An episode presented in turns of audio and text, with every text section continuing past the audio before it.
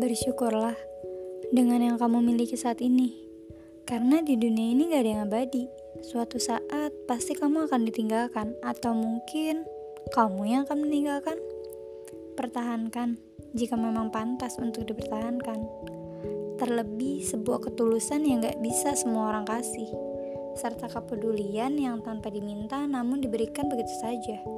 Sungguh beruntung buat siapa pun yang memiliki sosok yang mampu mengerti dirinya, yang gak perlu kamu kode tapi dia peka, yang gak perlu diminta bantuan tapi dia langsung mengulurkan tangannya, yang saat kamu sedih ia memberikan pundaknya untuk kamu bersandar, yang saat kamu kacau ia memeluk dan menenangkan kamu, yang sesibuk apa pun dia, dia mau meluangkan waktunya, walau hanya mendengar cerita yang mungkin gak penting buat dia.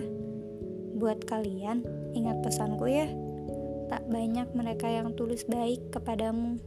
Namun, tidak sedikit pula mereka yang tulus baik kepadamu. Tolong, jangan sia-siakan dia yang sangat peduli dan tulus sama kamu, yang berusaha membuat senyum di wajahmu tanpa ingin sedikit pun melihatmu bersedih. Dia, dia yang mau berkorban buat kamu, yang sabar sama kamu, yang peduli sama kamu, yang selalu meyakinkan kamu bahwa kamu akan bahagia bersama dia, yang gak pernah ngeluh seburuk apa pun sikap dan sifat kamu, yang saat kamu salah, ia tak menyalahkan, dan ia justru berkata, gak apa-apa kok, wajar-wajar aja. Relakan dia yang telah pergi. Belajar ikhlas, mungkin bukan dia yang tak baik, hanya saja mungkin ada yang lebih baik dari dia.